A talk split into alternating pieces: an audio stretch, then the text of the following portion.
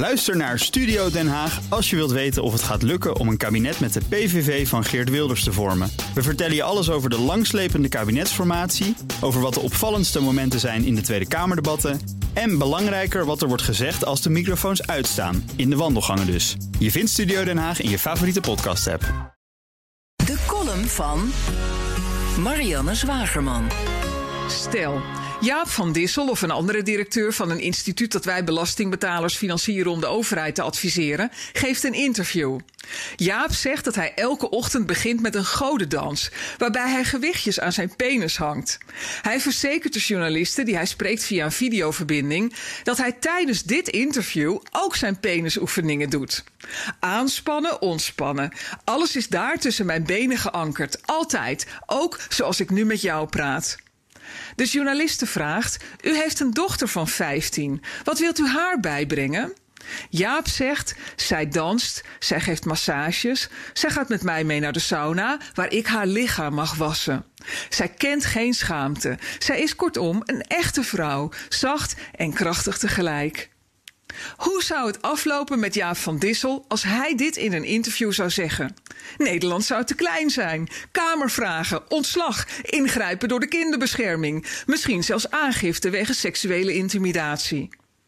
Er was geen ophef toen dit interview, gemaakt door een man, op 2 december in het tijdschrift Knak werd gepubliceerd.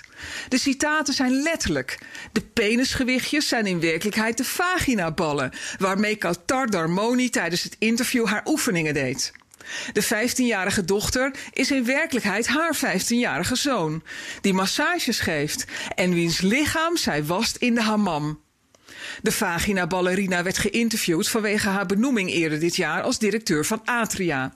Dit kennisinstituut voor emancipatie kan bestaan dankzij 2,5 miljoen euro subsidie per jaar van het ministerie van OCW. Van dat belastinggeld moet Darmoni bouwen aan een samenleving waarin mensen een gelijke behandeling, gelijke rechten en gelijke kansen krijgen. Als OCW werkelijk een gelijke wereld nastreeft, moeten we af van vrouwen die wegkomen met dingen die mannen terecht niet meer kunnen flikken.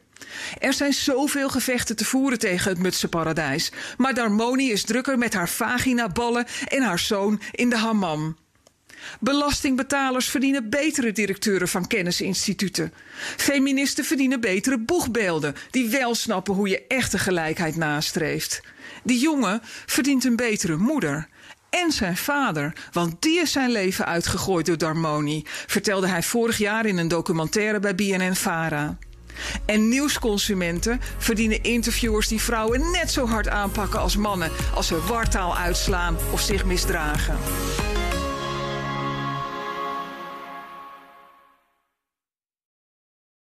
Ook Liesbeth Staats vind je in de BNR-app. Ja, heel handig. Luister live naar Kees en mij tijdens de Daily Move. Dan blijf je ook gelijk op de hoogte van breaking news en het laatste zakelijke nieuws. En daar vind je ook alle BNR-podcasts, waaronder de Perestrooikast. Download nu de gratis BNR-app en blijf scherp.